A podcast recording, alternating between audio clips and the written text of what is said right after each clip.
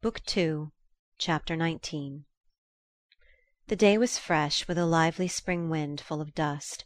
All the old ladies in both families had got out their faded sables and yellowing ermines, and the smell of camphor from the front pews almost smothered the faint spring scent of the lilies banking the altar.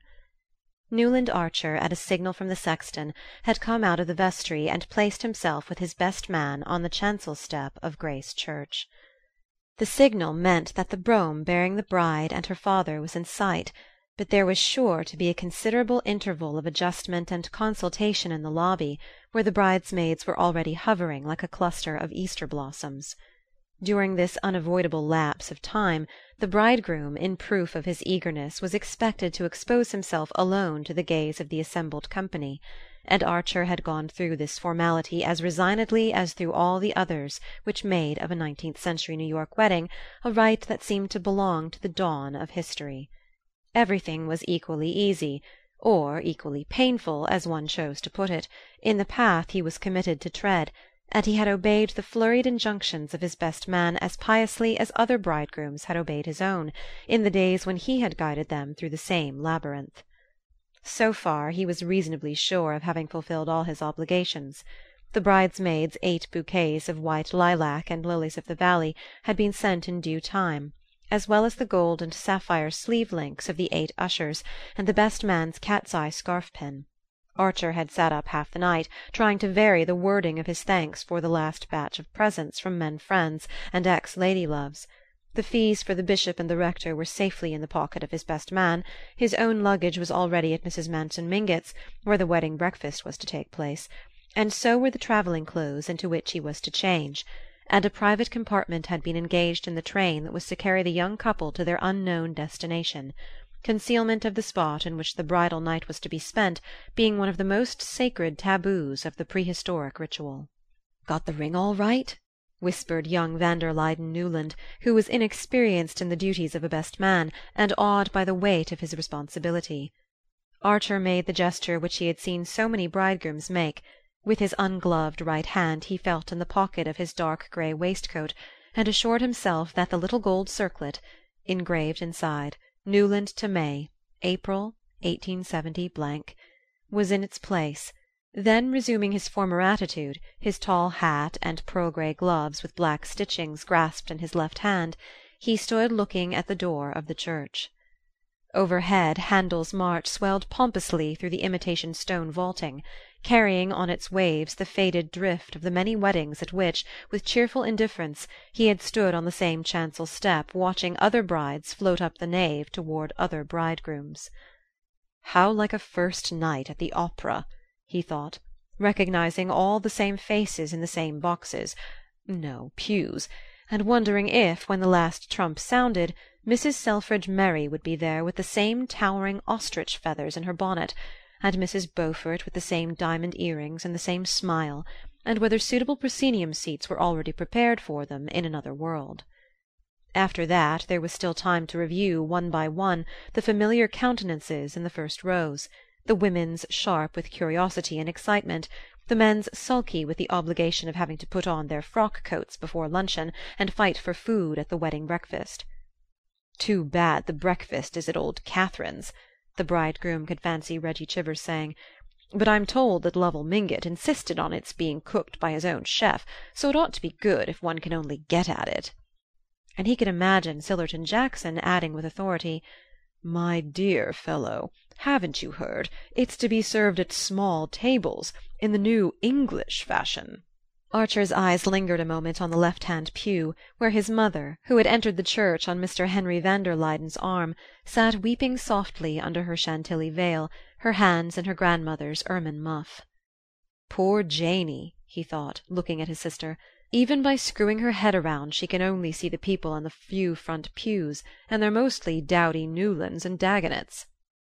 On the hither side of the white ribbon dividing off the seats reserved for the families he saw Beaufort, tall and red faced, scrutinizing the women with his arrogant stare. Beside him sat his wife, all silvery chinchilla and violets, and on the far side of the ribbon Lawrence Lefferts's sleekly brushed head seemed to mount guard over the invisible deity of good form who presided at the ceremony.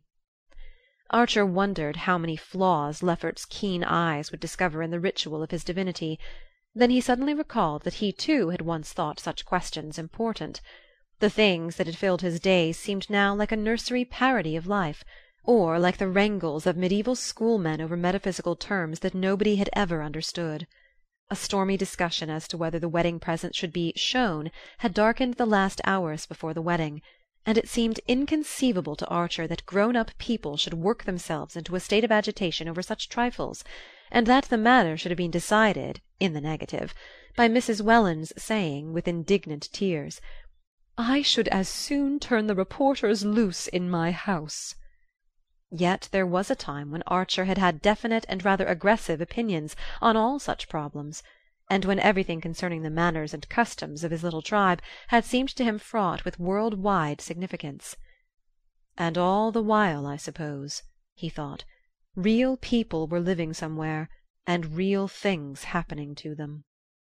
"There they come!" breathed the best man excitedly; but the bridegroom knew better. The cautious opening of the door of the church meant only that Mr. Brown the livery stable keeper, gowned in black in his intermittent character of sexton was taking a preliminary survey of the scene before marshalling his forces. The door was softly shut again; then after another interval it swung majestically open, and a murmur ran through the church. The family Mrs. Welland came first, on the arm of her eldest son. Her large pink face was appropriately solemn, and her plum colored satin with pale blue side panels and blue ostrich plumes in a small satin bonnet met with general approval but before she had settled herself with a stately rustle in the pew opposite Mrs. Archer's the spectators were craning their necks to see who was coming after her.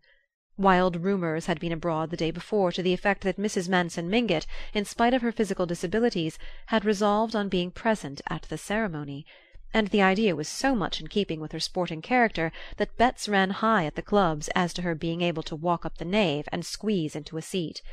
It was known that she had insisted on sending her own carpenter to look into the possibility of taking down the end panel of the front pew, and to measure the space between the seat and the front; but the result had been discouraging, and for one anxious day her family had watched her dallying with the plan of being wheeled up the nave in her enormous bath chair, and sitting enthroned in it at the foot of the chancel. The idea of this monstrous exposure of her person was so painful to her relations that they could have covered with gold the ingenious person who suddenly discovered that the chair was too wide to pass between the iron uprights of the awning which extended from the church door to the curbstone.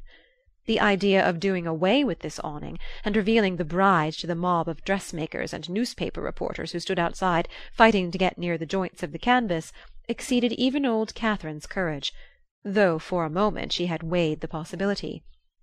"Why, they might take a photograph of my child and put it in the papers!" Mrs. Welland exclaimed when her mother's last plan was hinted to her; and from this unthinkable indecency the clan recoiled with a collective shudder. The ancestress had had to give in, but her concession was bought only by the promise that the wedding breakfast should take place under her roof though, as the Washington Square connection said, with the Wellands' house in easy reach it was hard to have to make a special price with Brown to drive one to the other end of nowhere. Though all these transactions had been widely reported by the Jacksons, a sporting minority still clung to the belief that old Catherine would appear in church, and there was a distinct lowering of the temperature when she was found to have been replaced by her daughter in law. Mrs. Lovell Mingott had the high colour and glassy stare induced in ladies of her age and habit by the effort of getting into a new dress; but once the disappointment occasioned by her mother in law's non appearance had subsided, it was agreed that her black Chantilly over lilac satin, with a bonnet of Parma violets, formed the happiest contrast to Mrs. Welland's blue and plum colour. Far different was the impression produced by the gaunt and mincing lady who followed on Mr. Mingott's arm, in a wild dishevelment of stripes and fringes and floating scarves; and as this last apparition glided into view Archer's heart contracted and stopped beating. He had taken it for granted that the Marchioness Manson was still in Washington, where she had gone some four weeks previously with her niece, Madame Olenska. It was generally understood that their abrupt departure was due to Madame Olenska's desire to remove her aunt from the baleful eloquence of Dr. Agathon Carver, who had nearly succeeded in enlisting her as a recruit for the Valley of Love; and in the circumstances no one had expected either of the ladies to return for the wedding.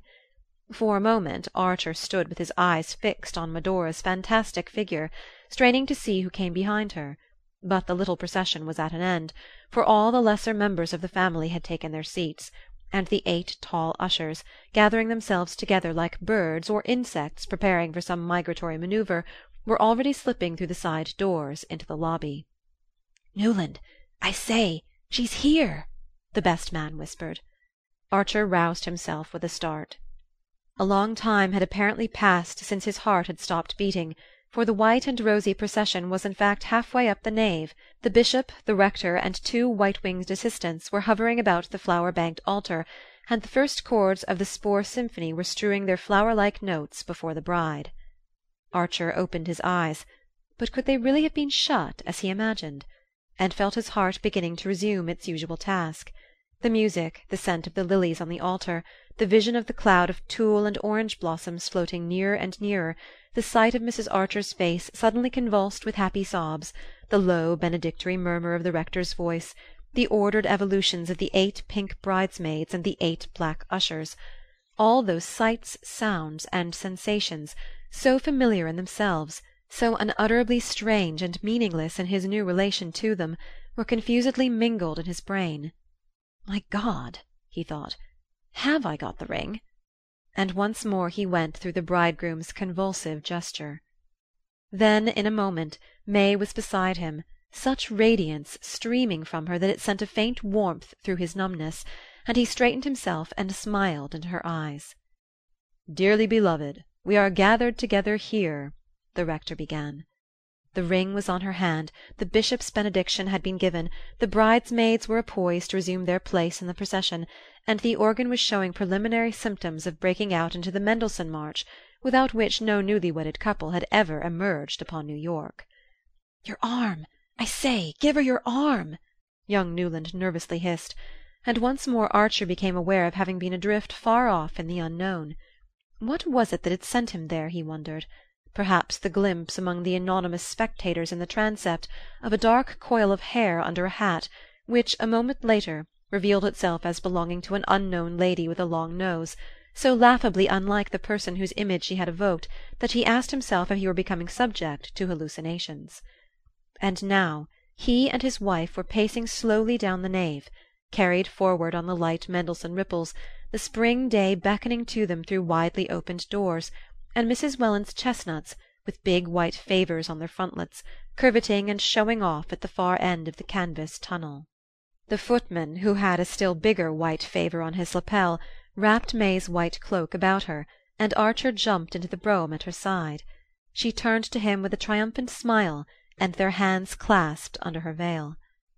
"Darling," Archer said; and suddenly the same black abyss yawned before him, and he felt himself sinking into it deeper and deeper, while his voice rambled on smoothly and cheerfully. "Yes, of course, I thought I'd lost the ring; no wedding would be complete if the poor devil of a bridegroom didn't go through that. But you did keep me waiting, you know; I had time to think of every horror that might possibly happen." She surprised him by turning, in full Fifth Avenue, and flinging her arms about his neck. "But none ever can happen now, can it, Newland, as long as we two are together?" Every detail of the day had been so carefully thought out that the young couple, after the wedding breakfast, had ample time to put on their travelling clothes, descend the wide Mingott stairs between laughing bridesmaids and weeping parents, and get into the brougham under the traditional shower of rice and satin slippers; and there was still half an hour left in which to drive to the station, buy the last weeklies at the bookstall with the air of seasoned travellers and settle themselves in the reserved compartment in which May's maid had already placed her dove coloured travelling cloak and glaringly new dressing bag from London. The old Dulac aunts at Rhinebeck had put their house at the disposal of the bridal couple, with a readiness inspired by the prospect of spending a week in New York with Mrs. Archer; and Archer, glad to escape the usual bridal suite in a Philadelphia or Baltimore hotel, had accepted with an equal alacrity. May was enchanted at the idea of going to the country, and childishly amused at the vain efforts of the eight bridesmaids to discover where their mysterious retreat was situated. It was thought very English to have a country house lent to one, and the fact gave a last touch of distinction to what was generally conceded to be the most brilliant wedding of the year but where the house was no one was permitted to know, except the parents of bride and groom, who, when taxed with the knowledge, pursed their lips and said mysteriously, "Ah, they didn't tell us," which was manifestly true, since there was no need to. Once they were settled in their compartment, and the train, shaking off the endless wooden suburbs, had pushed out into the pale landscape of spring, talk became easier than Archer had expected.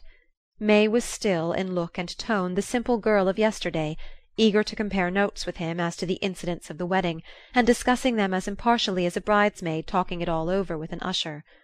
At first Archer had fancied that this detachment was the disguise of an inward tremor, but her clear eyes revealed only the most tranquil unawareness. She was alone for the first time with her husband, but her husband was only the charming comrade of yesterday. There was no one whom she liked as much, no one whom she trusted as completely, and the culminating lark of the whole delightful adventure of engagement and marriage was to be off with him alone on a journey, like a grown up person, like a married woman, in fact.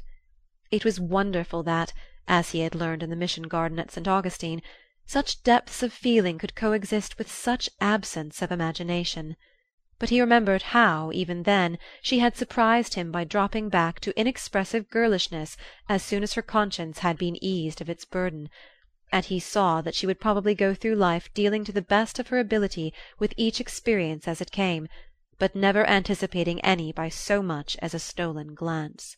Perhaps that faculty of unawareness was what gave her eyes their transparency, and her face the look of representing a type rather than a person as if she might have been chosen to pose for a civic virtue or a Greek goddess.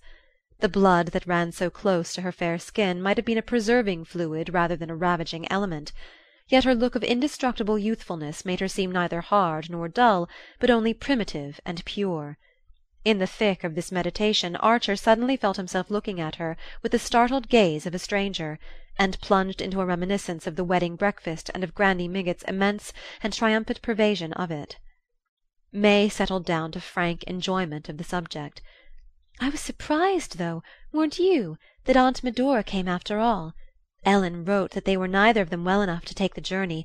I do wish it had been she who had recovered. Did you see the exquisite old lace she sent me?" He had known that the moment must come sooner or later, but he had somewhat imagined that by force of willing he might hold it at bay.